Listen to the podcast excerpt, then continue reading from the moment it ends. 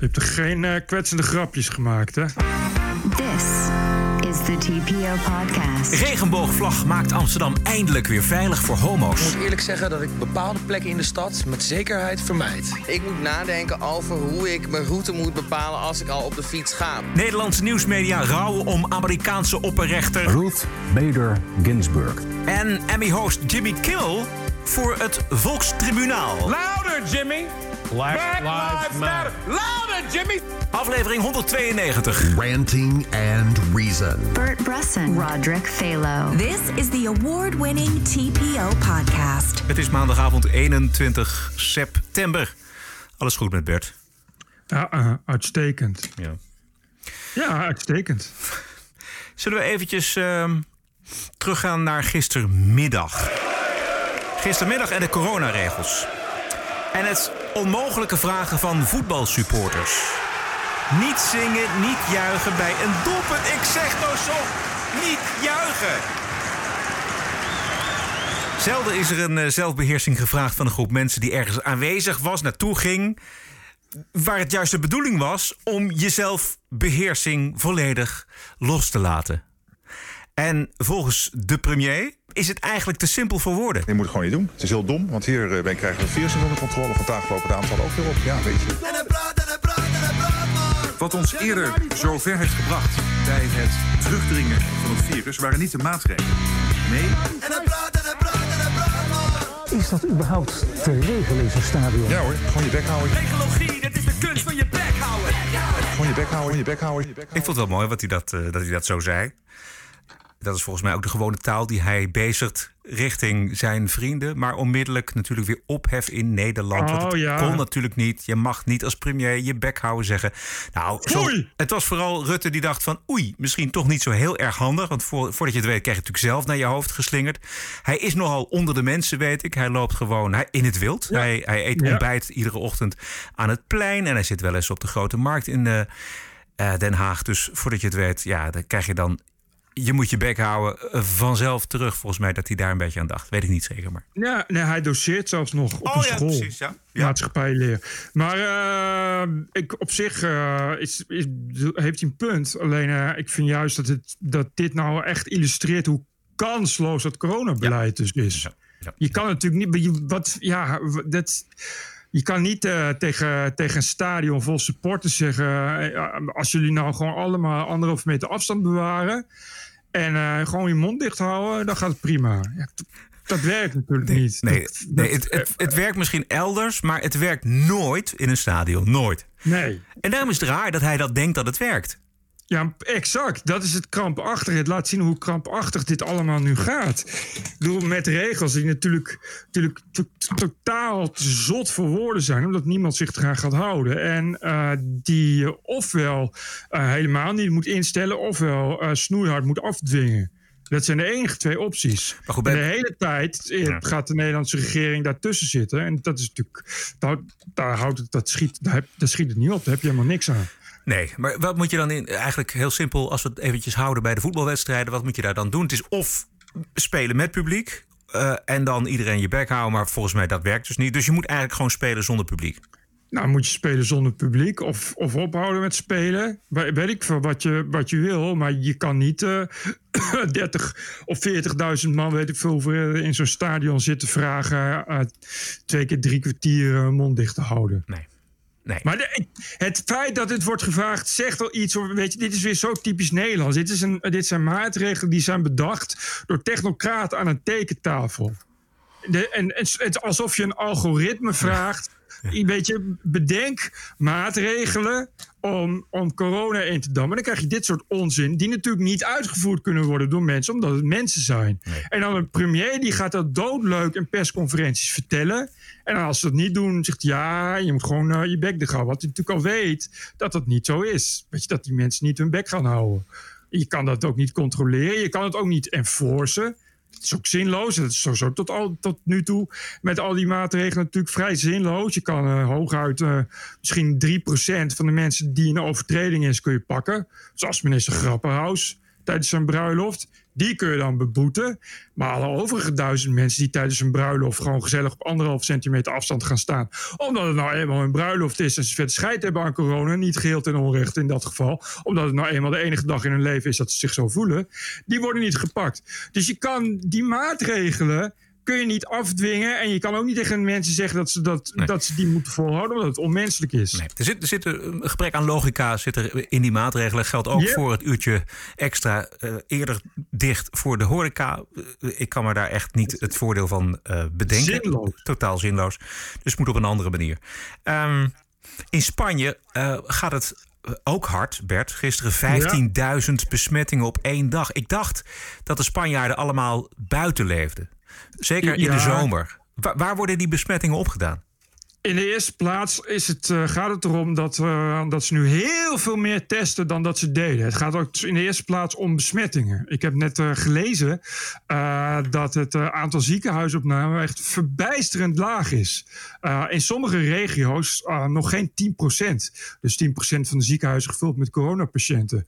Wat zeg maar ongeveer tegenovergestelde is van de eerste golf. Waarin de ziekenhuizen massaal vol liepen en de lijken zich opstapelden. Dat valt hier heel erg mee. Dus het betekent, zegt vooral iets over de enorm toegenomen testcapaciteit. Verder eh, is het wel buiten, maar is het ook eh, bijvoorbeeld in religieus land. eh, worden er veel rituelen uitgevoerd. De mensen gaan graag naar de kerk en de mensen zitten vooral heel graag ook bij elkaar in de horeca. En als ze dat niet doen, zitten ze heel graag thuis, dicht op elkaar met de hele familie, inclusief opa en oma en de schoolgaande kinderen die natuurlijk allemaal besmet zijn, omdat die al besmet waren van de vakantie. Zo gaat dat dus, ja. Ik las eh, vandaag op, NRC, op de website van RTL een verhaal over Zweden... waar het eh, in juli eventjes misging... maar waar vooral heel erg de verantwoordelijkheid ligt bij mensen zelf. Ja, Vond ik, eh, Zweden kunnen dat. Ja, op een of andere manier kunnen ze dat, ja. Die kunnen dat al van oudsher. En dat is dus, maar dat is echt een heel serieus verschil met Nederland. Je Ja. kan dat niet in Nederland toepassen om de dood eenvoudige reden dat je niet die gehoorzaamheid hebt van Zweden. En bij Zweden gaat het natuurlijk ook om veel minder mensen. Ja. Dus eh, je hebt ook veel minder mensen die hoeven te gehoorzamen. Eh, en in Nederland kom je natuurlijk op, op een heel ander niveau terecht. Dat is wat je net hoorde. Maar wat zou het karakter moeten zijn dan in Nederland van de regelgeving? Ja, dat is, dat is dus het probleem. Die, dat is er eigenlijk niet. Het enige wat je kan doen, als je dat echt wil, is, is, dus, is dus regionale lockdowns. En, en dingen verbieden. Maar dat is het enige wat je kan doen. En voor de rest is het allemaal vrij zinloos. En ik vraag me af eh, of je. Of je ja, Weet je, of, of, het, of het gerechtvaardig is. Want, want, wat ik, ik moest, want wat ik tot nu toe lees, en ik moet zeggen dat ik er best wel verbijsterd over was, vind ik wel dat het eh, aantal ziekenhuisopnames en het aantal IC-opnames nog steeds heel erg laag. Tegen, tegenover echt een tsunami van besmettingen. Dus het zou mij niet verbazen als ook daar wat, uiteindelijk wat aan de hand mee blijkt te zijn. Dat het, bijvoorbeeld het positief testen eh, is niet per se helemaal waterdicht. Dat is al bekend bijvoorbeeld. En eh, wat ik ook las is dat in de eerste golf er natuurlijk al heel veel doorhout is weggesneden. Oftewel, er zijn dus heel veel mensen doodgegaan die nu niet meer ziek worden. En dat scheelt enorm in de opname. Dat zie je enorm terug. Dat scheelt enorm in de opnames in ziekenhuizen, ICT. Namelijk de mensen die al ernstig ziek waren en corona kregen, die zijn er niet meer. Wel, hoe cru dat ook klinkt. nou ja, dus ja. die worden, hoeven niet te worden opgenomen. Dus gaat het alweer, is het alweer een stuk minder. Plus dat veel besmettingen eh, dus plaatsvinden bij jongeren. En studenten worden nu allemaal massaal besmet. Hebben allemaal weinig symptomen, dus die hoeven allemaal niet naar het ziekenhuis. Maar je moet wel bij ze uit de buurt blijven. Nog eventjes terug naar die stadions. Als je daar dan tussen zit, dan moet je je toch op een gegeven moment ook afvragen: heeft mijn buurman misschien corona of corona geïnfecteerd of iets dergelijks? Dat, dat, dat- je, je bent er toch ook voor jezelf? Je, je denkt toch ook aan zou- jezelf, aan je vrouw, aan je kinderen, aan je omgeving? Wat zou jij? Ik zou, het- ik zou het mezelf wel afvragen, ja. Het moet, er moet een moment zijn dat je je afvraagt: kan ik dit doen, ja of nee? Dat vraag ik me- maar is, dat- is dat zo? Eh, eh, vraag je je dat ook af? Eh, weet je dat, je, dat je dat je andere ziektes kunt krijgen? Dan zeg je ook van ja. Nee, niet andere ziektes. Maar ik, ik bijvoorbeeld, als ik het op mezelf betrek, dan vraag ik me elke keer af, als ik bijvoorbeeld naar de sportschool ga, kan ik dit doen? Ja, moet ik, wanneer moet ik nou een mondkapje eigenlijk opzetten in een supermarkt? Eh, Ja. ja. ik, weet, ik, ik, ben, ik denk daar wel eh, tien keer per dag denk ik erover na. Ik doe het wel. Kijk, wat, kijk, deze mensen die, die zeggen van ja, weet je, de kans is zo klein. Eh, en het aantal mensen eh, dat serieus ziek wordt of, of daar aan komt te overlijden is zo marginaal dat, ik- dat ik dat risico wel kan nemen. Ja, ik denk ook uiteindelijk dat mensen dat risico voor zichzelf inschatten en denken, nou oké. Ja. Ja, en, en, en nogmaals, eh, dat, het werkt allemaal leuk en aardig tot je. Eh, Dat je het krijgt. Nou ja, nee, maar tot je daarin terechtkomt. Ik bedoel, op het moment dat je, dat je ergens bent en iemand zegt: ga, ga mee naar binnen voor een feestje. En je drinkt, en je- ja, maar je drinkt een biertje. En nog geen, na twee biertjes denk je al niet meer eh, van: eh, dit is onveilig. Begrijp je wel? Ja. Dat, en dat, bedoel, dat is dus ook, dat illustreert toch mooi wat Grappenhaus deed. Ja, Het is, zeker. al, het is allemaal leuk en aardig, maar je gaat op je eigen bruiloft. Ja. Weet je, het virus is dan niet ineens minder besmettelijk of minder gevaarlijk. Maar ja, het is je eigen bruiloft. Goed. Het laatste wordt nog lang niet over gezegd. We gaan, Nee. naar, we gaan naar Amsterdam. Want de tijd dat Amsterdam de gay capital of the world was... die ligt wel heel erg veel achter ons. Eh, onder het toezicht oog van het linkse college... zijn homo's in Amsterdam de donkere middeleeuwen ingeloodst. Ik merk vooral dat mensen zich niet meer veilig voelen op straat. Dat ze na moeten denken over hoe ze ergens van A naar B komen. Ik moet eerlijk zeggen dat ik bepaalde plekken in de stad met zekerheid vermijd. Ik moet nadenken over hoe ik mijn route moet bepalen als ik al op de fiets ga. Ik neem zelf heel vaak taxis eh, om maar veilig van deur naar deur te kunnen. Dit zijn homo's in een reportage van Poont. eh, twee jaar geleden in het Vondelpark. Eh, toen, twee jaar geleden was het al zo erg. Het geweld is alleen maar gegroeid. Kankersukkels.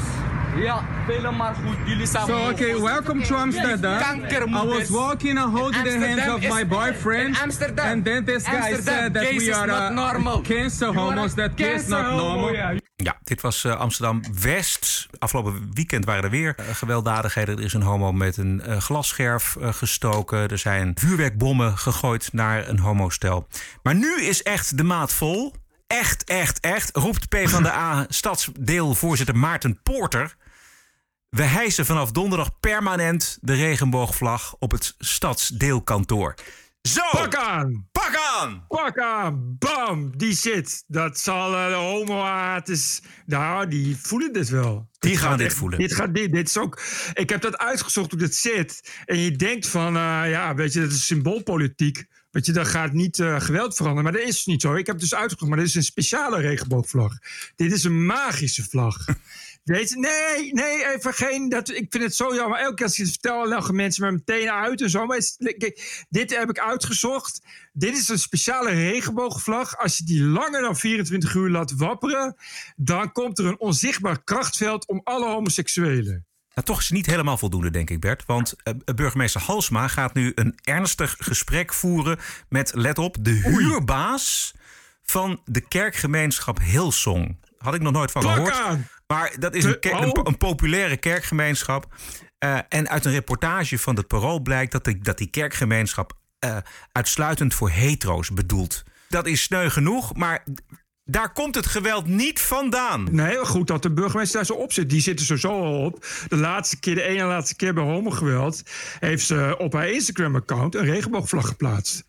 Verder niks. Eh, eh, Vergeef ons het cynisme, maar eh, eigenlijk verdient het, word ik er zo kwaad over en zo niet goed van. Tot de laatste homo de stad uit is gepest, zal het linkse stadsbestuur de echte daders, vooral islamitische jongeren en hun opvoeding. En dan komt de- komt dan ook wel weer met zo'n vervelend stukje afgelopen zaterdag. Grapjes. Grapjes maken, veel kapot. Van Marcel, van Marcel Wiegman. En dan gaat het weer over.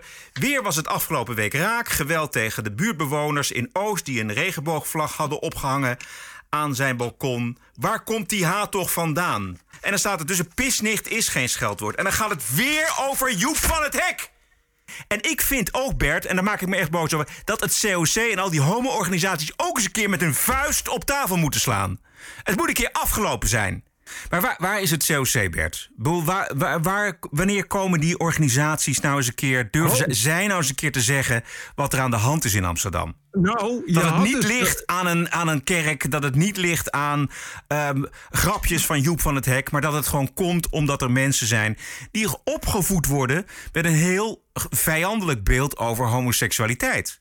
En dat hebben ze niet van een vreemde, dat hebben ze gewoon van hun ouders, van hun opvoeding, van hun religie, van hun cultuur. En, da- en daar moet het nu eens een keer over gaan.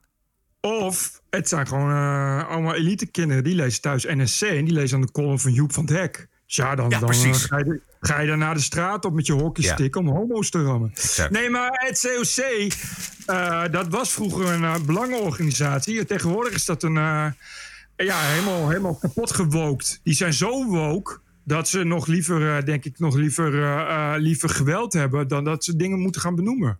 COC is echt heel erg. Dan gaat het gewoon niet ophouden. Het gaat niet ophouden met een Maarten Poorter, PvdA stadsdeelvoorzitter. Het gaat niet ophouden met een burgemeester Femke Halsema. Het gaat niet ophouden met het COC op deze manier. Dus homo's, kom in actie. Doe je mond open. Ik, ik moet toch eh, eh, concluderen dat jij niet zoveel vertrouwen hebt in hoop.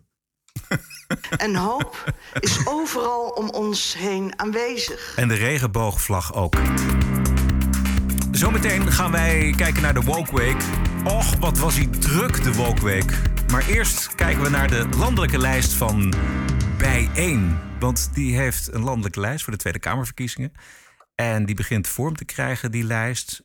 Als eh Bijeen 10 zetels zou krijgen... dan krijgt Nederland Petra Kramer uit Drachten in de Kamer. Zij staat namelijk op plek nummer 10. En Petra Kramer werd ontslagen bij de Socialistische Partij vanwege het rijden onder invloed, tweemaal. En de tweet dat zij de voormalige VVD'er Wieberen van Haga een kogel door zijn kop zou willen jagen. Ah, ah, vind ik heel verbindend. Dat is verbindend eh, je lijst samenstellen volgens mij. Ja, dat is een mooie lijstverbinding dit. Ja. Wie staan, eh, wat is eh, Sylvana en Jeffrey Afri is 1 en 2, toch? Dat geloof ik wel. Het, de reden waarom ik het even aansnijd was dat ik juist heel erg ging zoeken naar Petra Kramer. Naar bijvoorbeeld een fragment van haar. Maar dat kwam ik niet tegen. Ik kwam vooral een groot stuk in de Volkskrant tegen. Ik kwam een stuk uit eh, volgens mij het Fries Dagblad tegen. Ja. ja. wat er allemaal aan de hand is met deze dame. Dus dat is, dat is een manier waarop je eh, bijvoorbeeld een onderzoek zou kunnen doen naar je aanstaande kandidaatleden van de Tweede Kamerlijst. Ehm, Maar daar heeft eh Sylvana Simons en de rest van bijeen eh, geen kaas van gegeten, volgens mij. Dus het lag allemaal voor het opscheppen, de geschiedenis van deze mevrouw. En die, die hoef je iemand niet tot in lengte van jaren na te dragen. Maar om die nou nummer 10 te maken op je lijst voor de Tweede Kamerverkiezingen lijkt me niet zo handig. Ik, weet, ik denk dat het bij, eh, bij- een partij als B1 verder geen fuck uitmaakt. Ik bedoel, de mensen die daarop stemmen, is het, is het denk je juist een aanbeveling. Ja, zou je denken? Ja, ja, dat, ik bedoel, als je ooit hebt getwitterd dat je eh, eh, een ander Kamerlid kapot wil schieten. Ja, als dat een beetje een rechtskamerlid is, is dat juist een aanbeveling. Die krijgt juist heel veel voorkeurstemmen, denk ik. Het is meer een soort, eh, meer een soort marketing eigenlijk. Maar volgens mij is dit gewoon een vergissing. Dit is, dit is, de- de- deze dame heeft zich waarschijnlijk heel goed gepresenteerd. eh, eenmalig of tweemalig. En toen dacht... eh, Nee, hè? ik kan me dat niet voorstellen. Maar denk jij dat, Nee. denk jij dat Sylvana, als ze geweten had wat we nu allemaal weten... Dat, namelijk dat dit een ongeleid projectiel is... dat ze die dan gewoon op nummer 10 zou hebben gezet? Nee, maar je, je moest eens weten wat die, wat die Jeffrey Afri allemaal schrijft. Nee, maar dit is Ja. voor die mensen, eh, dit is, eh, noemen ze verzet en dat soort gelul. Oh, dronkerij Dus is verzet. Nee, ja, kijk, dronkerijen, maar dan krijg je van ja, dat doen alle VVD'ers ook. Dus weet je, en dronkerij is natuurlijk, ja, dronkerijen. Maar eh, dit is geen. Nee, ja, dit is een strafblad hoeft helemaal geen, geen juist niet. Dit zijn eh, echte guerrilla-strijders, vrijheidsstrijders. Dat, is een beetje de, dat is een beetje de toon van, eh, van bijeen. Jij hebt toch de vorige keer dat eh, conceptverkiezingsprogramma gelezen? Ja. Nou ja, als je mensen moet gaan onteigenen, dan heb je, heb je, geen, eh, heb je geen keurige mensen nodig. Nee, dat is waar. Dan heb je, heb je, heb je moordenaars, moordenaars en eh, beulen heb je dan nodig. Geef dat iets over dat eh, verkiezingsprogramma. Dat was enorm dik hè, voor zo'n kleine partij. Volgens mij Ja. is het zo gegaan dat iedereen gewoon zijn ideeën mocht, mocht. Klopt ook. Hè? Ja, toch? Iedereen mocht Ja, zijn dat- ideeën dat- inleveren. En daar, daar is gewoon een nietje doorheen gegaan. En dat was het verkiezingsprogramma. Althans, het ontwerpverkiezingsprogramma. En nu wordt erover gediscussieerd of het, nou ja, hoe, Precies, hoe, en hoe- nou- hoe kleiner te maken. Het is een concept en dan gaan de leden mogen daar dan, eh, mogen daar dan over stemmen. Maar eh, het zal wel niet zo heel veel kleiner worden. denk ik. Nou, weet ik niet. Maar je krijgt in ieder geval wel een mooi beeld van wat voor mensen, met wat voor gedachten en ideologie er bij die partij zitten. Ja, nou, het verraste me niks, laat ik het zo zeggen. Nee. Zullen we gaan naar Spotify en Joe Rogan? Ja! Want er is ruzie in de tent bij Spotify om de wereldberoemde podcaster Joe Rogan. Rogan heeft een exclusieve deal met Spotify van 100 miljoen dollar. En in het con- 100 miljoen dollar! 100 miljoen dollar. En in het contract staat dat Rogan zijn absolute vrijheid behoudt. Maar nu is er een groep werknemers bij Spotify die eisen dat er gemonteerd wordt in de afleveringen voordat ze online gaan. En de heibel is gelekt naar Vice en die komt er nu mee naar buiten. Eh, dit is een probleem voor Spotify, Bert. Want eh, je hebt dus aan de ene kant een duur contract met absolute vrijheid voor Rogan. En aan de andere kant heb je een stelletje fanatieke woke-werknemers... die Rogan aan banden wil leggen. Dat is Ja. niet te combineren. Nee. Maar ik, ik, ik ben echt, echt verbijsterd. Want op het moment dat je voor 100 miljoen, ik benadruk het nog even, wat echt absurd veel geld is voor een podcaster. Dit is de, eerste keer bij mij weten dat het gebeurt. Vroeger waren dit soort bedragen alleen weggelegd voor Hollywoodsterren, zou ik maar zeggen. Als je voor zoveel geld iemand aankoopt, dan ga je toch niet over één nacht ijs? Dit is, het is toch heel raar dat je voor 100 miljoen iemand koopt, dat hele contract dichttimmert. En dat je dan pas tot de conclusie komt dat je werknemers het er niet mee eens zijn. En dat, die, dat die dit soort eisen gaan stellen, dat, dat weet je dan toch al? Nee, dat weet je. Nee, nee, nee. nee. Dit, we zitten op een, op, op een, noem je dat, een kantelpunt in de woke-revolutie. Dat, zo werkt het. Er, is, er zijn nog mensen die in de directie zitten. Mensen die deals maken. Bijvoorbeeld met Joe Rogan. Die denken van, hé, hey, dit is een mooie deal. Exclusief Joe Rogan bij Spotify. Het kwam voor mij eigenlijk ook onverwachts. Want ik had er ook helemaal niet aan gedacht.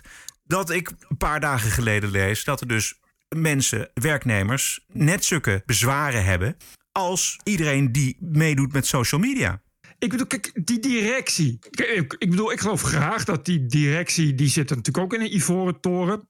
Die, die, die, dat zijn, dat zijn, eh, dat zijn eh, CEO's of, of weet ik veel, industriëlen die verstand hebben van geld. Dus die, die, zeggen, die zien alleen maar geld. En strategie, et cetera. Ja. Ja, precies. Dus die weten voor 100 miljoen krijg ik dubbel en dwars terug. Ja. over, over vijf jaar. Prima. Dus, dus, maar je, je, zo'n deal en zo'n bedrijf als Spotify, wat onafhankelijk is, weet je, voor die oprichters zitten toch ook nog. En er loopt toch iemand op, op, op, een, op een werkvloer die dat dan weet. Het is toch niet zo dat je, dat je geheel, zonder dat iemand het weet, zo'n deal sluit en dan pas eh, op een dag een vergadering legt met al je medewerkers. Dat je zegt: jongens, we hebben goed nieuws. We hebben voor 100 miljoen Joe Rogan aangekocht. Vanaf die werkvloer, die geluiden, die kom, moeten dan toch bij die directie komen? Of, of wat? Nou ja, dus of dat is niet gebeurd, of die geluiden zijn pas later gekomen. Want dit is, dit is, dit is wel eens gewoon. eh, die directie van Spotify, die zitten de shit. Want die. Kijk, die heeft niet alleen te maken met deze werknemers, maar die heeft ook te maken straks met eh, de, de mob, de, de bende die ook een soort protocol eist. waarin transfobische, homofobische en andere kwetsende content eh, wordt buitengesloten. Ja, maar dat weet, je weet toch van tevoren, als je voor 100 miljoen zo. Je 100 miljoen! Ja, ja, nee, ja, je, je, je, je weet dan toch. Je weet, dan, je weet, en je koopt Joe Rogan. Dan weet je toch wie je koopt. En dat, dat snap ik dus niet. Ja, maar het is een beetje. het- nee, maar kijk, ja, ik denk dat die directie die is nog een beetje in de tijd dat je bijvoorbeeld als platenmaatschappij eh, de Beatles contracteert of de Stones. Ja. En Ja. zeggen, nou, oké, die hebben we dus, die hebben we binnen.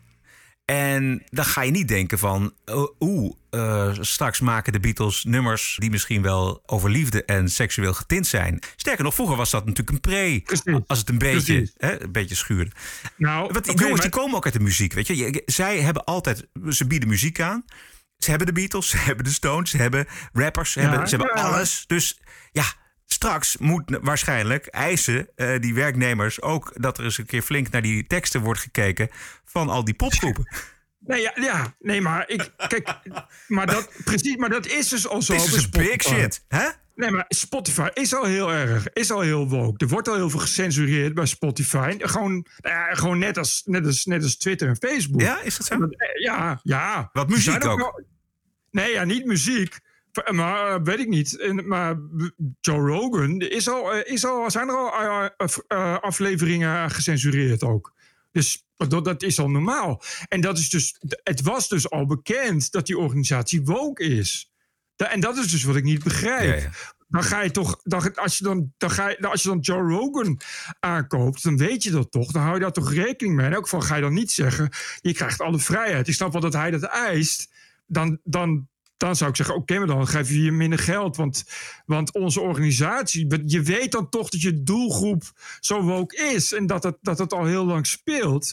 Even nu verder, want eh, laten we kijken wat er gebeurt. Kijk, Joe Rogan heeft gewoon een contract met absolute vrijheid, neem ik aan. Ja. Eh, geen kleine lettertjes, ik neem aan dat dat goed is doorgelezen. Dus die, die, die zegt gewoon, I'm a hula, ik, ik doe gewoon mijn ding... en dat moet gewoon van A tot Z worden uitgezonden. Dit is het contract. Exact. Oké. Dus dat gaat gebeuren. Of eh, Spotify moet dat contract weer ontbinden... en is eh, in een paar maanden 100 miljoen dollar Exact. lichter geworden. En eh, Joe Rogan gaat weer terug naar, waar zat hij, YouTube of wat dan ook. Ja, maar je kan het contract niet zomaar ontbinden. Dat kost je alsnog heel veel geld. Exact, daar gaat het. Waarschijnlijk meer, meer dan, Meer dan 100 miljoen. dollar. Exact, precies. Dus dat is het einde van Spotify. Maar oké, dus dat gaan ze. Ik denk dat dat willen ze sowieso niet. Maar dat, dat is een mogelijkheid. Maar de andere mogelijkheid is natuurlijk dat je zegt: ja, die werknemers, als je hier niet wil werken met Joe Rogan in ons assortiment, dan moet je maar vertrekken. Daarmee is de- het probleem nog niet opgelost. Want dan heb je natuurlijk die hele Twitter-mop, die hele woke-revolutie, die, die de aanval gaat openen op Spotify. Nee, wat je, kijk, wat je krijgt is, is, is, is dat het eh, sowieso... Je hebt dan geen goede mensen meer. Want dan, je kan al die mensen wel ontslaan. Ja, die, die mensen heb je ook nodig. Het, het probleem is natuurlijk dat die mensen allemaal in een sector zitten... en allemaal uit een sector komen... waar dat woke-gelul enorm, enorm hip en belangrijk is. Dus ja, ik vind, dan, vind maar zomaar eens goede mensen. Je kan eh, niet als gezond bedrijf ineens, eh, ineens een massa, massa, mensen massaal gaan ontslaan. Want ja, dan kun je niet verder. Oké, dus- En tweede plaats, dat, Spotify is volgens mij eh, afhankelijk voor gedeelte van, van, van, van abonnementen, subscriptions. En voor de mensen die het gratis gebruiken, adverteerders. En die adverteerders gaan dan weg. Dan krijg je natuurlijk hetzelfde als, als bij, bij Voetbal Insight en dat soort dingen. Dan Ja. krijg je inderdaad die mobs, die gaan op die adverteerders. Dus die adverteerders haken af. En, en, die, en het is dan natuurlijk binnen drie weken is het, is het not done om nog een Spotify-abonnement te hebben. Dus, dus, dus gaat iedereen afhaken. Ja. Ja, het is heel erg. Het is een hele, een hele zieke situatie waarin ze zitten. En ik begrijp dat ze al tien, maar liefst tien meetings hebben gehad. Ja. Met die zeikende mensen. Die dus zeiken, even voor de duidelijkheid, over één aflevering. Ja, één aflevering met een trans. Iemand die een boek had geschreven over tran- transgender. die een terecht wetenschappelijk verantwoord normaal boek had geschreven over de, over de manier waarop eh, kinderen de, de, de trans scene in worden gekletst. Eh, en, en hoe slecht het is dat er steeds meer kinderen op jonge leeftijd al nou, worden behandeld. Wat verder een terecht boek was. In dat hele gesprek is verder geen kwaad woord gevallen. Anders dan wat wetenschappelijk onderbouwd was wat een eh, aflevering was toen, toen Rogan nog helemaal niet onder contract was bij Spotify. Om even duidelijk te Ja, maken hoe ja, ver dat dus gaat. Ja, ja. En Rogan weet ook wel dat als hij. u- eh, kijk, als hij censuur toelaat, als hij dit, dit toelaat, dan is hij dus gewoon is hij klaar, is hij finished. En dan gelooft Ja, niemand er meer. En de inhoud wordt dan totaal niet meer interessant. Eh, dan is het klaar. Dus dit is, dit is een heel interessant gevecht ook in, in zaken de tijd waarin wij leven. Ja, want kijk, die Rogan die zegt van ik heb een contract. En die heeft natuurlijk verder scheid aan. Die heeft niet voor niks zo'n contract getekend. Die zag natuurlijk erbij wel hangen. Ja. Dat Spotify, dat is natuurlijk, eh, eh, weet je... Daar, daar, die willen natuurlijk een vinger in de pap. En dat is wat hij niet wil. Dus ja, die gaat dan zeggen, oké, prima, doei. En dan, dan is, het nog, is het nog erger. Dan ga je failliet sowieso. En dan is de schade aan je bedrijf zo groot. Terwijl afgelopen week was er de conservatieve Britse denker Douglas Murray te gast op afstand. Uh, Bert, ik heb twee fragmenten. Um, yes. Maar ik zou zeggen, ga vooral het hele interview zien als je de tijd hebt. Douglas Murray heeft onder meer geschreven The Madness of Crowds over de identiteitspolitiek. En daar ging het gesprek met Rogan ook in belangrijke mate over. En dat die woke-revolutie die gaande is, uh, dat we die met z'n allen hebben onderschat. Ook hij. Conservatives were, were underestimating this yes. as well. I mean, you know, because conservatives, when they talked about uh, the campus stuff, there was a kind of easy, easy joke on it, which was the, and I've made it myself, you know, which was basically that, uh, you know, your daughter goes away to college, you remortgage the house, she goes to study lesbian dance and then she graduates and discovers there aren't very many jobs in lesbian dance. Uh, and so, you know, she then realizes the error of her ways and becomes a conservative. That was sort of the, the, the, the background idea that conservatives had about this, that the market would assert itself. And of course, that turned out to be totally wrong. There were jobs for these people to go to. They've gone They've got they've filled job after job and role after role. They have they have washed through major former newspapers in the US like the New York Times. Yeah. They have washed across the cultural institutions in all of our countries. They have they you know you, you if we'd been speaking even 5 years ago you would have thought well corporate America is not going to fall for that. They're not going to be held hostage by the people with, you know, like croc degrees yes. in non disciplines. But you know, they're the corporates all are, and they all encourage the growth of their HR departments, and they're packed with people who now can hold an entire company hostage. Dit is het probleem. Uh, wij dachten vroeger, ik zelf ook, eigenlijk de markt lost het wel op. Hè? Op een gegeven moment um, ja. worden jonge revolutionairen ouder en uh, weten op een gegeven moment van, nou oké, okay, uh, de wereld zit toch anders in elkaar. Maar dat is een misrekening. Ironisch hè, dat hij dat dan nu bij Joe Rogan doet. Ja, ja. Ja. het is jammer dat dat nog niet op uh, Spotify gebeurt. De, woke rot zit overal. Uh, kunnen we concluderen. De, ik raad het hele interview aan. Nog één fragment over wat staat ons te doen tegen de beschuldigingen van racisme, tegen de gekte, tegen de diversiteitscursussen. Volgens Murray zit er maar één ding op, namelijk kom in verzet, wees niet laf. Don't be portrayed as things you're not and don't be cowed by allegations that are insincere. I would like to see more rage from people who are being insincerely accused of things they're not guilty of. I remember, you remember um, Joan Rivers, uh, probably, uh, um, one of the sharpest comedians I've ever seen. Joan Rivers was once in a discussion on the radio in my country with a far left sort of black power activist called Darkus Howe. And this is about 20 years ago. And it was an, a spellbinding moment of radio because there was a discussion. It was just, you know, she had something, a, a tour to sell, he had something to sell, and they were just happening on the same program. And at some point, Darkus House said, you know, Joan seems to have a problem with me as a person, and I think it has to do with race. It was something along these lines. And you should listen to it. Joan Rivers just went for him. She, she said, How dare you? How dare you, you son of a bitch? And she went for him and she ate him on air. And the visceral rage she demonstrated at what was being attempted against her in the studio is the visceral rage that everybody should use when that move is played against them.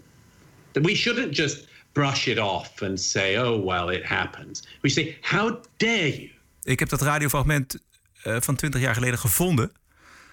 Ah. En we luisteren even naar actrice Joan Rivers tegenover Darkus Howe. Since Black offends Joan, I will make Black, it... wait, no, just stop right now. Black does not offend me. How dare you? How dare you say that? Black offends me? You know nothing about me. You sat down here. How I dare you? The use of the term black offends you. Well, uh, the use of the term black offends me? Where the hell are you coming from? You have got such a chip on your shoulder. I don't give a damn if you're black, white, I do. black. I couldn't care less. Um, it's what no, the no, person let me- is. And don't, think- no, think and about- don't you dare call me a racist. Dat is de manier. Dat eh, kaliber is niet echt meer, hè? Het eh, kaliber acteur, zal Nee. ik maar zeggen. Nee. Het is meestal het tegenovergestelde tegenwoordig. Ja, ik, ik, ik, kijk, wat, wat, wat uh, Murray zegt is, is, is inderdaad dat, maar dat zeggen we elke week. Ja. Er moet veel meer outrage zijn, er moet veel meer verzet zijn. En ik begrijp dat niet. Ik begrijp, maar dat heeft ook te maken met, met volgens mij dat mensen het, het- de gevaarlijke angel helemaal niet zien. Ik denk dat er eh, bij, bij, bij ministeries in Nederland. Weet je, die hebben elk, elk jaar een diversiteitsweek. met, de meest, met de meest verschrikkelijke workshops. Die alleen als je het leest, dan krijg je al echt. Ja, dan krijg je gewoon een uitslag overal. Ik- terwijl, kijk, ik denk dat er heel veel ambtenaren daar verder ook niks mee hebben. Maar tegelijkertijd denken die, ja, het zal wel.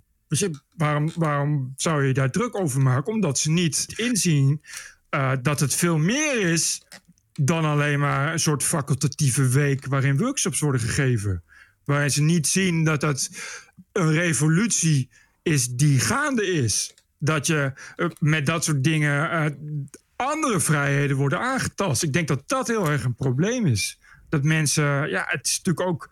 Ik denk dat veel mensen, dat zie ik ook bij heel veel linkse mensen, die dan toch zeggen: ja, maar ja, identiteitspolitiek is misschien ook wel heel eh, broodnodig. Weet je, dat, ze geloven toch ook echt in, in de goede bedoelingen ervan. En Politieke correctheid net zo. Dat zeggen ze van ja, maar goed, het is wel heel belangrijk dat ze sommige minderheden beschermen.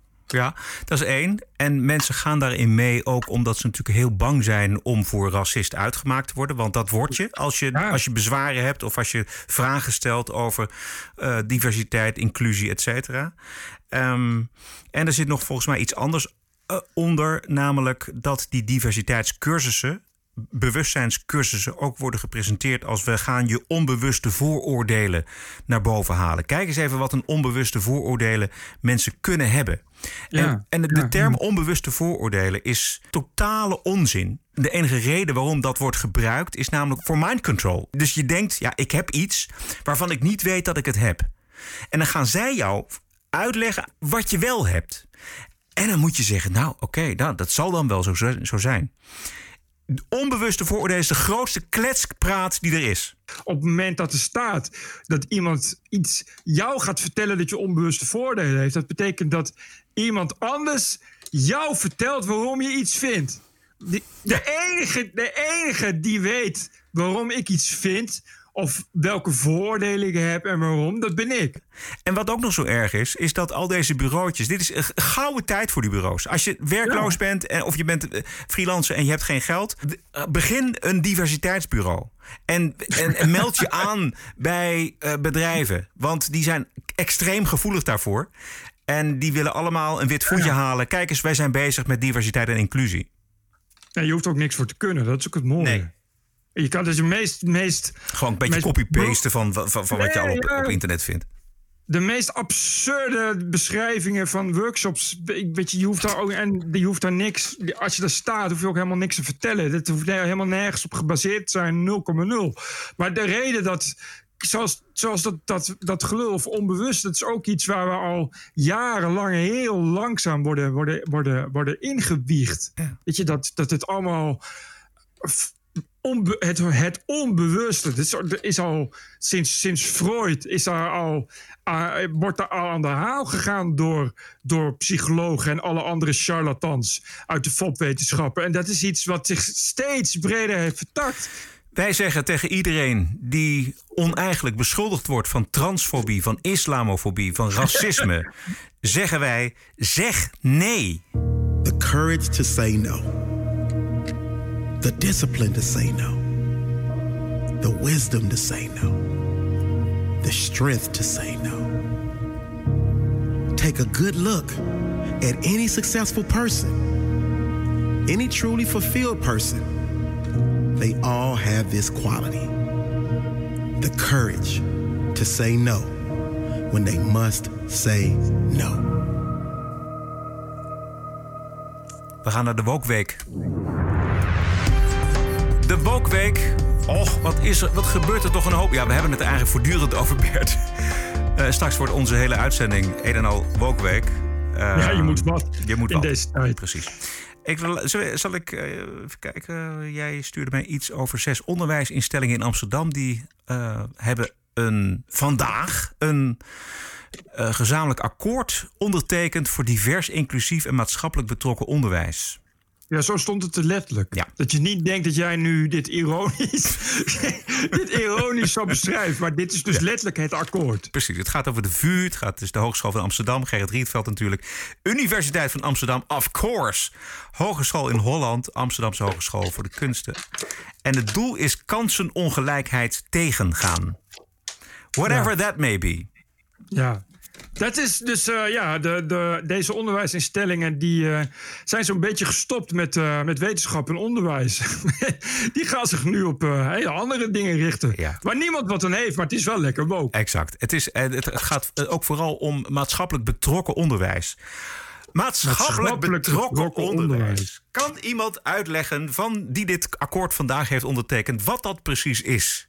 Het is ook allemaal niks. Het zijn ook allemaal lege, lege woorden. Ja. Weet je, inclusief, inclusief onderwijs. Meer, wat, wat zijn meer gelijkheid en, en eh, kansengelijkheid. Ja, kansenongelijkheid moet worden ja. tegengegaan.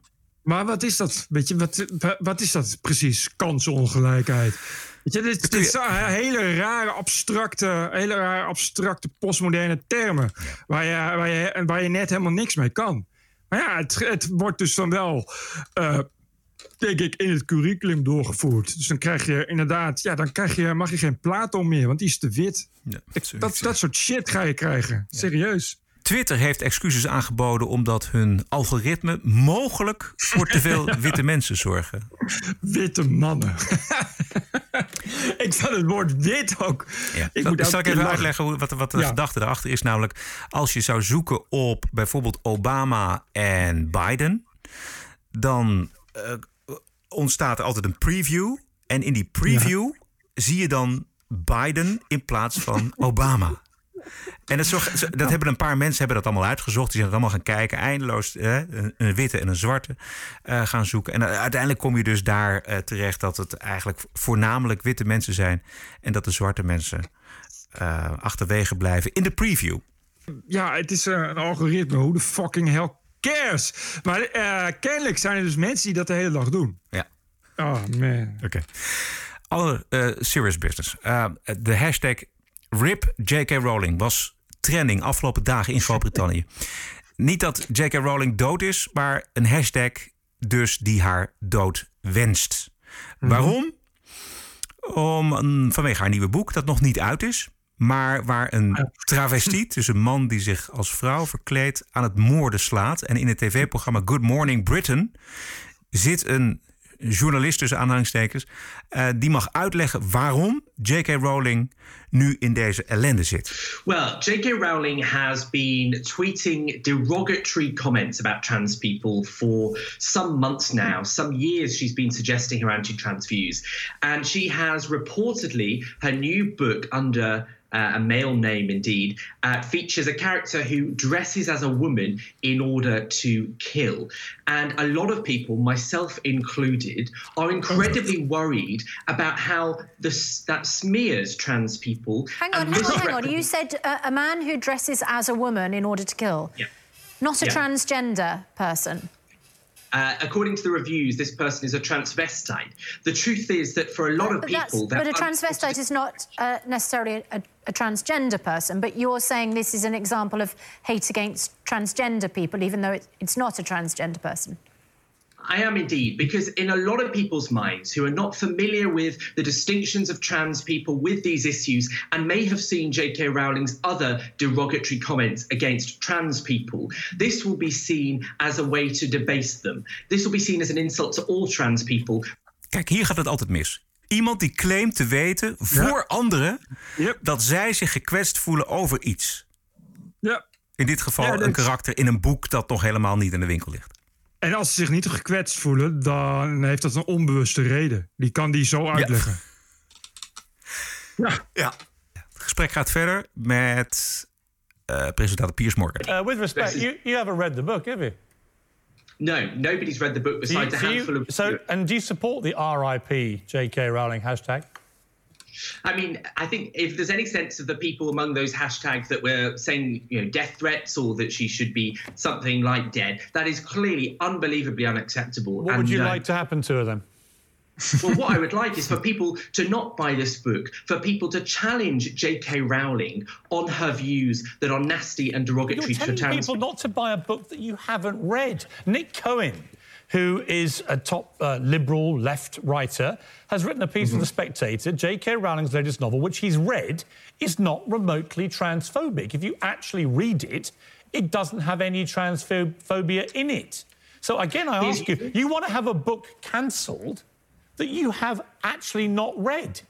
What it is is about whipping up hatred and concern and fear. No, which is you're the one whipping up the hatred. And all those who have been contributing to the RIP J.K. Rowling, they're the ones that want her dead, cancelled, shamed, vilified, finished for writing a novel that none of you have read, which, according to Nick Cohen in his lengthy review, is not remotely transphobic. And by the So way, it doesn't have a again- transgender again, I character ask in you, it. How can you want to cancel something and shame somebody and bury them and have them RIP'd on Twitter for something you haven't even read?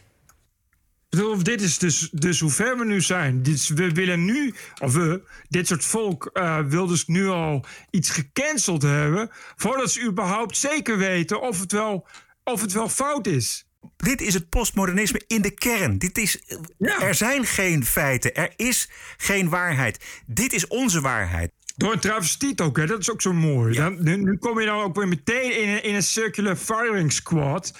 Want eh, normaal mag je dus. De, normaal zeg, zeggen, ze, mag, zeggen ze van ja, nee, travestiet is echt niet hetzelfde als transgender. Dat is kwetsend. Als je dat zegt, dan ben je transfoob. Maar nu, nu het zo uitkomt. Bert, hier, hier komt de haat vandaan. Dit zijn de haatdragers. Als je op Twitter kijkt wat er onder die hashtag RIP J.K. Rowling allemaal terechtkomt. Wat een haat daar vandaan komt. Sowieso het doodwensen van een auteur. Dan gaan we kijken. Gewoon. Eh, de- de- je weet niet wat je ziet. Ik heb Twitter getweet. Ik heb gevraagd als het serieus is dat jullie hate speech van jullie eh, platform af willen hebben. Kijk dan eens, onderzoek de hashtag RIP J.K. Rowling. Ze waren toch zo woke bij Twitter? Precies. Komt nu zeker even niet uit. Maar eh, eh, schrijvers die, die waarvoor wordt opgeroepen te doden, dat kennen we ergens van. Bijvoorbeeld van Salman Rushdie. Exact. Zij wordt nu ook in één adem genoemd met Salman Rushdie.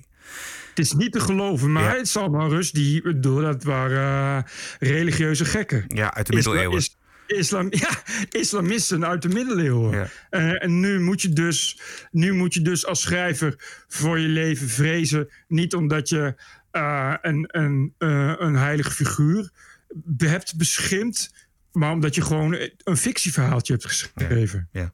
Maar die überhaupt niets met helemaal niets te maken heeft. Anders dan dat het een, kennelijk een man is die vrouwenkleren aantrekt.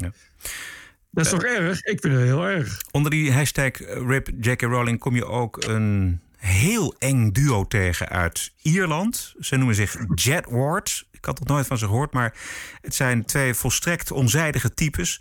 En die eh, hebben ook opgeroepen om Rowlings nieuwe boek te verbranden.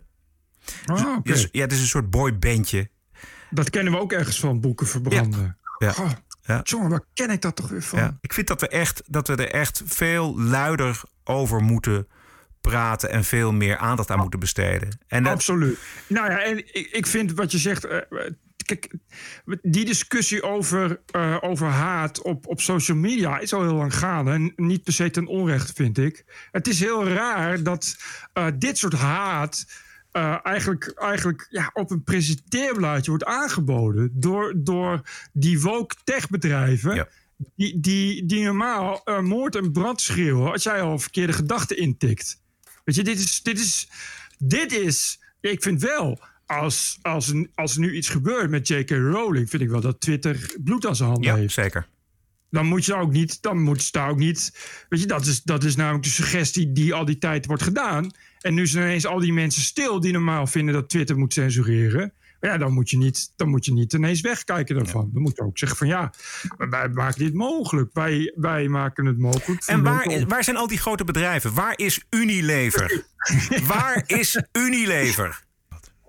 We hebben nog veel meer, namelijk eh, de obsessie met ras. Dat brengt sommige mensen ertoe om zich in te beelden dat ze niet wit, maar zwart zijn. Uh, er was uh, uh, weer een zogenaamde zwarte dame ontmaskerd als blank, wit als sneeuw. Sneeuwwitje Jennifer Benton deed zich jaren voor als zwarte vrouw met de naam Sackwell Pagely Cole. Zij is in 2010 legaal van naam veranderd. Heeft altijd gezegd dat zij een zwarte vader had. Maar de website Black Indie Life die heeft dat dus allemaal uitgezocht. En er bleek helemaal niets van te kloppen. En dat gebeurt wel vaker. Drie jaar geleden met uh, Jessica Crook. Dat is een uh, geschiedenisprofessor, nota bene aan de George Washington Universiteit in de hoofdstad. En uh, liegen dat je zwart bent. En dat klinkt zo. I also want to call out all these white New Yorkers who waited four hours with us to be able to speak and that did not yield their time to black and brown indigenous New Yorkers. Ze, oh ja, ze praat een beetje zoals beetje zoals zwarte mensen. Dus ze, ze, ja, ze zegt yo, dit en dat, maar het klinkt net niet zwart. Who thought that their sense of I thought cops was here to protect us, but I guess they're not. Boy. And then real quick I want to talk about some of my experiences in the Bronx um, on Thursday. So you know, y'all heard from a few people who were there, and thank you. Much power to all my siblings who were standing up, my black and brown siblings who were standing. Ja, uh, my black and brown siblings, dat zijn mijn zwarte en bruine broeders en zusters. Wat, hoe, hoe, doen deze mensen dit? Want die zien er dan wel zwart uit al. Ja, hoe... iets, zij heeft, deze mevrouw heeft bijvoorbeeld uh, kroeshaar. Ah, oké. Okay. En ja, je zou in een heel, heel vaag zou je kunnen denken, zou ik aannemen van oké, okay, jij zegt dat je een zwarte vader hebt en een blanke moeder. Nou oké, okay, goed, dat, dat, dat neem ik dan aan. Maar dat blijkt dus absoluut niet het geval te zijn. Nee, oké, okay, maar dit, ze kunnen daar wel echt voor doorgaan. Ja. Door, door ja, cruisen ja. zo. En dat oh, gebeurt ja, dus vaak regelmatig. Dus uh, recent dus die, uh, uh, die Jennifer Benton. En dit laatste geval die je hoorde, Jessica Crook... dat was iemand van alweer drie jaar geleden. Maar ook in die hele Black Lives Matter beweging... zijn er natuurlijk blanken die zo, zich zo afficheren met hun... met, met de zwarte underdog... dat zij zich Ja, ten onrechte ja, ja. Dat, dat ras aanmeet. En daar, daar zijn heel veel eh, zwarte Amerikanen heel boos over. Hè? Ik bedoel, dit is... Oh, dat snap ik. ja. Die kan ik wel, wel even vinden. Uh, we gaan even naar Portland. Een grote zwarte SUV wordt staande gehouden op straat. Misschien heb je het gezien. Twee mannen erin, potige kerels, moeten hun vuist omhoog doen. En moeten Black Lives Matter roepen. Yeah, say Black Lives Matter, homie. Say fucking Black Lives Matter right now. Black Lives Matter. Say Black Lives Matter, bro. You didn't? I didn't hear shit. it, bro. Okay, so say I'm it. proud. Hold on, let him talk. Let him talk. Let him talk. Thank you. All right, thank you. Gruwelijk. Goh, nou, als je dit combineert met het eh, bedreigen van schrijvers en het verbranden van boeken, dan eh, kom je toch wel echt een heel eind met het nadoen van de geschiedenis, is het niet? Ja. Maar het gebeurt ook op het podium, Bert. Bij de uitreiking van de Emmy Awards. Acteur Anthony Anderson en host Jimmy Kimmel. Black Lives Matter. Louder, Jimmy. Black, Lives, Matter. Louder, Jimmy. Say it so that Mike Pence can hear it. Black, Lives, Matter. That's right. Wat de fuck was dit nou weer? Ik krijg hier kippenvel van. Wat, was het echt? Dit is echt. Niet een... Niet een Nee, nee, nee. nee. nee, nee. Wie, welke acteur was dit? Eh, Anthony Anderson, een zwarte acteur. En de host is, uh, die heeft ook een, een late night show, Jimmy Kimmel. En die, staan, dat- die, die staan op het podium. Je kunt het er terugkijken. Op, de, op YouTube uh, staat het. Het is van een paar dagen geleden. Jesus Christ. Ja. Dat, ik- ik- ja, ja, ik, nou ja, kijk, als je daar op zo'n podium staat, wordt het lastig.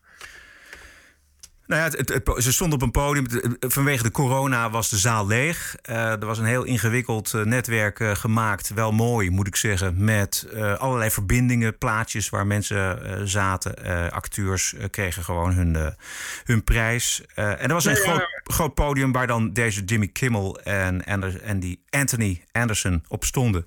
En er werd gewoon geëist. Zeg het hard, zeg het hard, zeg het nog een keer, zeg het hard. Jesus Christ. Nou, binnenkort gaan we dan maar trouwsferen aan een vuur. Hardop. Dat Ja. ja. ja, ja, vreselijk hè. Ik vind het zo afschuwelijk, Ja. jongen.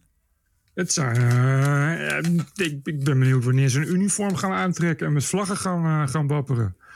We gaan iets leuks doen. We gaan waarderen en doneren. De TPO-podcast. Een eigenzinnige kijk op het nieuws en de nieuwsmedia. Elke dinsdag, elke week, het hele jaar door. Zonder reclame, zonder een cent subsidie. 100% onafhankelijk. Wat is het jou waard? Word lid van de TPO-tribe.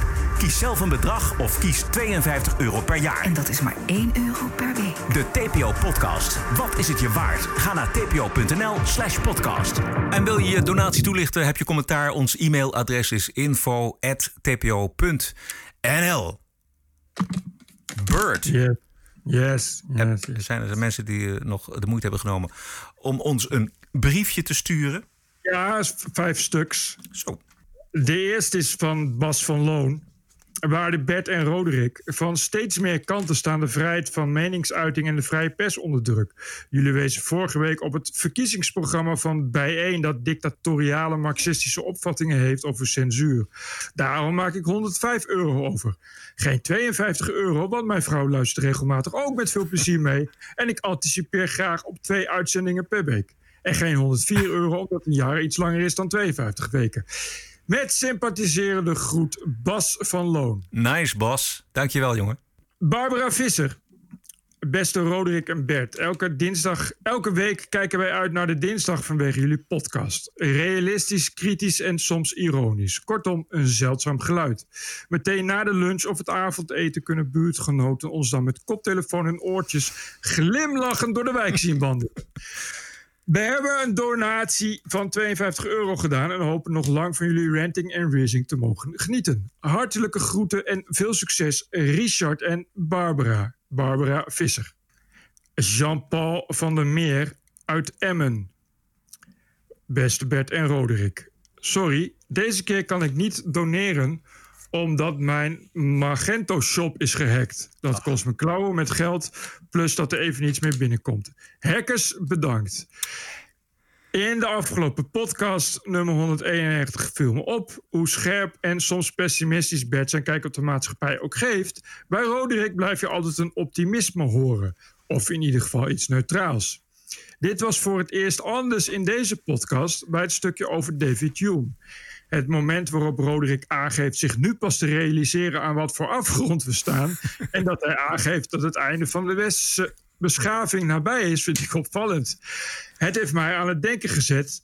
Bij mijn thuis was mijn vriendin altijd de Bert en ik de Roderick. Dat gaat nu misschien ook niet meer op. Nou goed, we gaan het wel horen de komende afleveringen. Keep up the good work met vriendelijke groeten, Jean-Paul van der Meer. Jan-Willem Derksen. Eh, beste Bert en Roderick. Standaard intro. Ik luister al vanaf eerste aflevering en volg jullie wekelijks bla bla bla. Einde standaard intro. Ik had het gevoel dat ik niet deugend genoeg was. Wekelijks profiteren van een geweldige podcast, maar nooit een duit in het zakje doen. Totdat ik vandaag woke werd. De reden was mede het ingetrokken onofficiële bericht dat er mogelijk een tweede kortere podcast op vrijdag gaat komen. Dat wil ik graag mede mogelijk maken. Hierbij mijn eerste donatie van 52 euro. Ga zo door, heren, met vriendelijke groet Jan-Willem Derksen. Jan-Willem, dankjewel. Dat was toch niet ingetrokken? Nee, zeker niet. Nee, we- een, gewoon een, een onofficieel bericht. Er Precies, precies. Het was een, eh, een, een, een, slip of the tongue, maar het was wel waar. En eh, meer informatie volgt. Misschien moeten jullie gewoon meer doneren. Dan gaat het sneller. Ja. Ja. Gerard Alexander. Bert en Rode. Hi Bert en Roderick. Top die podcast, podcast van jullie. Voor mij is Roderick meteen de king op opiniegebied. En let wel, we hebben ook Bert, Sietske, Siep, Koen, Wiert, et cetera, maar toch. Mijn inziens mag het abonnement wat meer kosten. Ik kom niet uit Nederland, maar het viel me meteen op die houding hier in Nederland van ik heb er zelf geen last van. Dat is jammer, want ik merk dat als je ook met vrienden praat over die onderwerpen die TPO analyseert en over Trump, ze veel niet geconfronteerd willen worden met issues die van groot belang zijn. Bang om onaangenaam verrast te zijn en die niet leuke dingen onder ogen te moeten zien. Ik kreeg zelfs ooit een soort van ruzie toen ik een. dit is grappig. Sorry, nee, ik, ik lees het nu pas, dus ik moet eh, nu lachen. Ik kreeg zelfs ooit een soort van ruzie toen ik een TPO-abonnement cadeau wilde doen aan een nu inmiddels ex-vriend. Kun je nagaan wat een stel deugens hier en elders. Ik ga die TPO, TPO cadeau-abonnement weer promoten. Dat is wel, wel zo grappig dan. Keep up the good work. Gerard Alexander. Wat Daarboven staat: conspiracy is het is maar hoe je er naar kijkt. Eh, dit was het. Dit was het. U wordt ondersteuner van de TPO-podcast eh, voor een euro per aflevering. Dat is dus 52 euro per jaar of binnenkort 104 euro per jaar. Of een ander bedrag, naar eigen keuze natuurlijk. Kijk op tpo.nl slash podcast. Uh, wilt u uw donatie toelichten? Dat vinden we leuk. E-mailadres info.tpo.nl This is us. This is our country. This is CNN breaking news. I believe that the president is literally an existential threat. Stop the hammering out there. Who's got a hammer? Make America great again. New York Times and CNN have also smeared veterans like myself. This video was taken during a heated exchange with an unidentified man who called Cuomo Fredo. Stop the hammering. This is the TPO podcast. News 630 WMAL, Washington. Vrijdag is er iets verschrikkelijks gebeurd in Amerika. Telegraaf en BNR-correspondent in Amerika Jan Posma. Ik sta hier voor het Hoge Rechtshof in Washington, waar het normaal gesproken natuurlijk doodstil is op vrijdagavond. Maar nu hebben hier zich honderden mensen verzameld om een laatste eer te bewijzen aan Ruth Bader Ginsburg. De opperrechter die vanavond is overleden. Een icoon van progressief en democratisch Amerika. En haar dood is hier dan ook hard aangekomen. Uh, er worden kaarsjes aangestoken, er worden bloemen neergelegd, tekeningen, schilderijen. En mensen praten over Ruth Bader Ginsburg. Ja, en groot nieuws in Nederland. Want er is niet zomaar een 87-jarige rechter overleden. Zij was een icoon van progressief en democratisch Amerika, het NOS-journaal. Ze had bij veel progressieve Amerikanen de status van een rockster, Ruth Bader Ginsburg. Maar je kunt het natuurlijk ook heel anders vertellen. Holy fucking shit, you guys! I'm driving in a car, but I just got a notification that Ruth Bader Ginsburg died! Fuck! Could this year get any fucking worse? Ruth, you just had to make it to 2021! Precies, en daar gaat het natuurlijk eigenlijk om. Ruth, je, je, je had het moeten maken tot 2021, totdat Joe Biden zou zijn Precies. gekozen. Ja, want nu mag eh, Trump weer eh, een opperrechter kiezen, hè? Nou ja, hij mag het wel doen. En eh, de Senaat moet het dan goedkeuren. En dat is voorlopig nog allemaal in republikeinse handen. Maar Precies. de vraag is of het zo snel kan. Want we zitten natuurlijk iets, iets meer, anderhalve maand nog maar voor de verkiezingen. Amerikaanse president Trump was trouwens verrast door het nieuws. Excuus voor de muziek, maar die speelt ergens op de achtergrond. She just died? Wow. I didn't know that. I just, uh, you're telling me now for the first time. She led an amazing life. What else can you say? She was an amazing woman. Whether you agreed or not, she was an amazing woman who led an amazing life. I'm actually sad to hear that. Keurige reactie van eh, Trump natuurlijk. Er zit heel veel verdriet, quasi-verdriet zit erbij. Deels gemeend, maar ook deels ontzettend politiek. En dat las je ook heel erg in die commentaren in de, in de Nederlandse kranten. Dat het toch vooral jammer was, eh, omdat er waarschijnlijk een conservatief iemand voor in de plaats komt. Het was dus niet zozeer van, goh, mooi leven heeft ze gehad, dit en dat en zus en zo. Maar hè, vervelend. Straks wint Trump ook nog. En eh, hebben we ook al die plek eh, verloren in het Hoge Rechtshof. Het is ook, het is ook echt een. eh, alsof dat was bij Kavanaugh natuurlijk ook al zo. Ja. De re- rechter Kavanaugh, uit de verkiezing ervan. Of de benoeming daarvan. Het is ook echt alsof het Hoge Rechtshof. dat, dat moet per se progressief zijn. Als, als, het, als er een meerderheid aan conservatieven is, dat mag ook gewoon niet. Dus weet je, terwijl, ja, dit is, dit is de reden waarom dat geregeld is. Is, is omdat je eh, die, die wisseling wilt kunnen hebben. Dus mensen kiezen een president. Dus die president kiest voor zijn kiezers eh, eh, die, die hoge rechters. Waardoor inderdaad beleid kan gaan veranderen. Maar je merkt, je merkt bij, bij, bij die verslaggeving, zeker in Nederland, is ook. Oei! Oei, straks wordt het conservatief alsof het een soort, soort evil yes, dit een soort, soort, soort, soort dark lord die dan eh, een, een evil reign van eh, duizend jaar over de aarde uitstort of zo. Zo, ja. Die mensen die worden eh, gekozen voor hun leven. Hè? Die, die, die blijven dat ook gewoon. Ik zou het wel gewoon eh, wel mooi vinden als het een beetje een gemengd gezelschap is. Hè? Dus dat je niet alleen maar eh, de komende decennia conservatieve besluiten krijgt van die, eh, dat Hoge Rechtshof. Maar dat er ook gewoon ook binnen dat Hoge Rechtshof discussies plaatsvinden. Dat Ja, er? Dus dat, dat zou ik wel mooi vinden. Daar is, vind ik wel een Hoge Rechtshof, een Hoge Rechtshof voor. Dat, dat is het natuurlijk bijna altijd, omdat je eh, zelfs als je, als je twee keer een president verkiest, eh, je, je senaat niet altijd in je handen, niet altijd in je handen is. Dus de, de kans überhaupt dat er, dat er een van die rechters uitvalt, dat er een nieuwe moet komen, is natuurlijk al, is natuurlijk al heel klein. Ja. Dus elke keer is er wel voldoende wisseling om dat, om dat aan te passen. Ja. Kavanaugh is, was de eerste, inderdaad, wat jij zei, eh, die Trump eh, heeft voorgedragen en die eh, heeft plaatsgenomen in het Hoge Rechtshof. Maar ik, de progressief en democratisch Amerika en Nederland kan het toch niet verkroppen als daar nog een tweede bij komt, volgens mij. Nee, dat, is, wordt weer, dat wordt weer, eh, weer een totale meltdown. Ja. Ik, ik kan me de teleurstelling wel voorstellen bij de Democraten. Ginsburg gone. Biden verloren. Nancy Pelosi de weg kwijt. Heb je dat gezien? Nee, wat was er nu? Op ABC. Eh, Nee. Presentator George Stephanopoulos die stelt Pelosi een vraag. En dan midden in het interview gebeurt dit. But to be clear, you're not taking any arrows out of your quiver. You're not ruling anything out. Good morning. Sunday morning. the, uh, the, we have a responsibility. We take an oath to protect and defend the Constitution. Ik dacht eerst dat het fake was. Dus dat gebeurt wel eens. Weet je, als je zo'n split screen hebt, Ja, dan, ja, eh, dan, dan, dan weten ze daarmee te prutsen. Maar ik ben teruggegaan naar het originele interview. En daar zie je dus dat dit gebeurt. En je ziet die George Stephanopoulos, die, zit- die zit gewoon te denken. Je ziet in zijn ogen, denk, wat gebeurt hier? Is zij, maar ja, zij was natuurlijk ook een beetje wappie. Ja, maar En, ze, en ze is natuurlijk ook al heel oud. Het zijn allemaal Oh, hele oude mensen.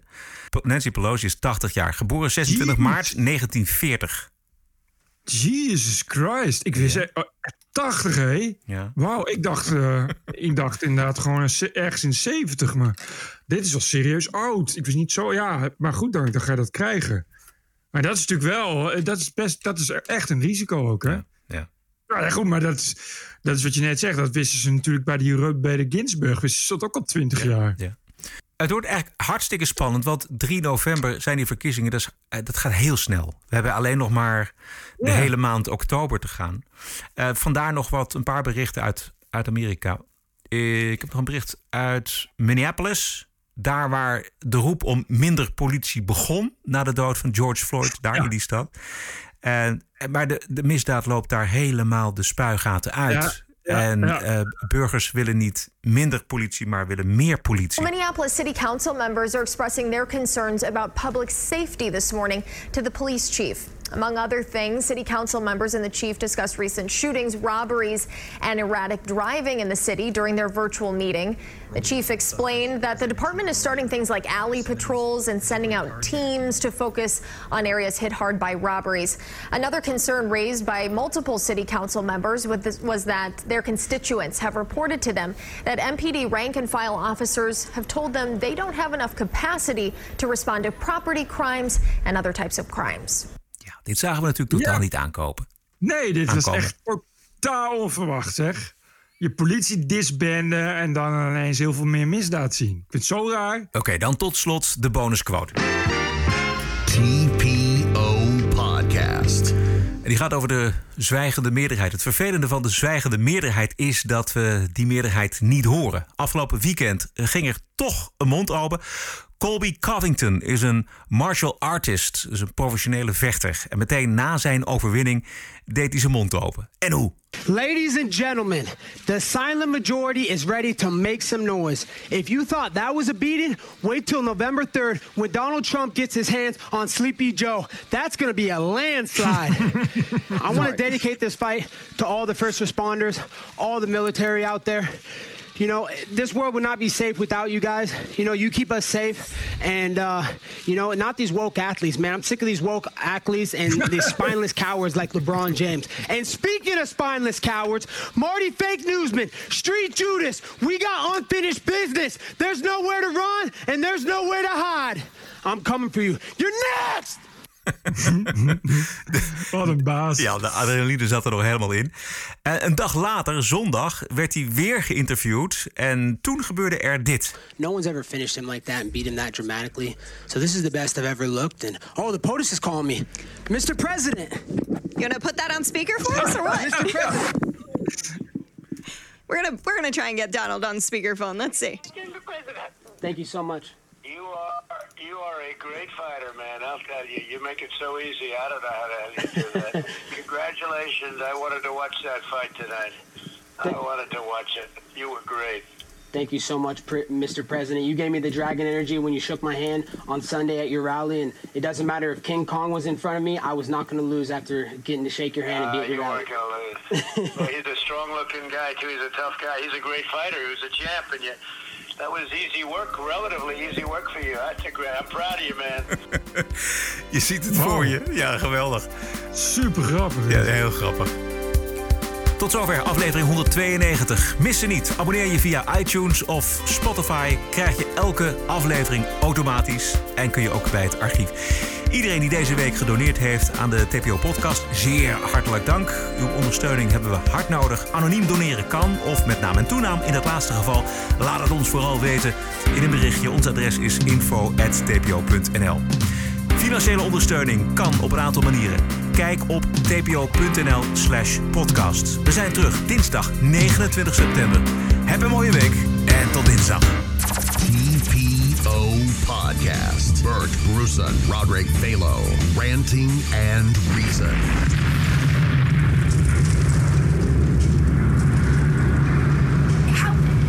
Dare you? Podcasting is the TPO podcast in the Netherlands. Bert and Roderick. What a show. I'm telling you.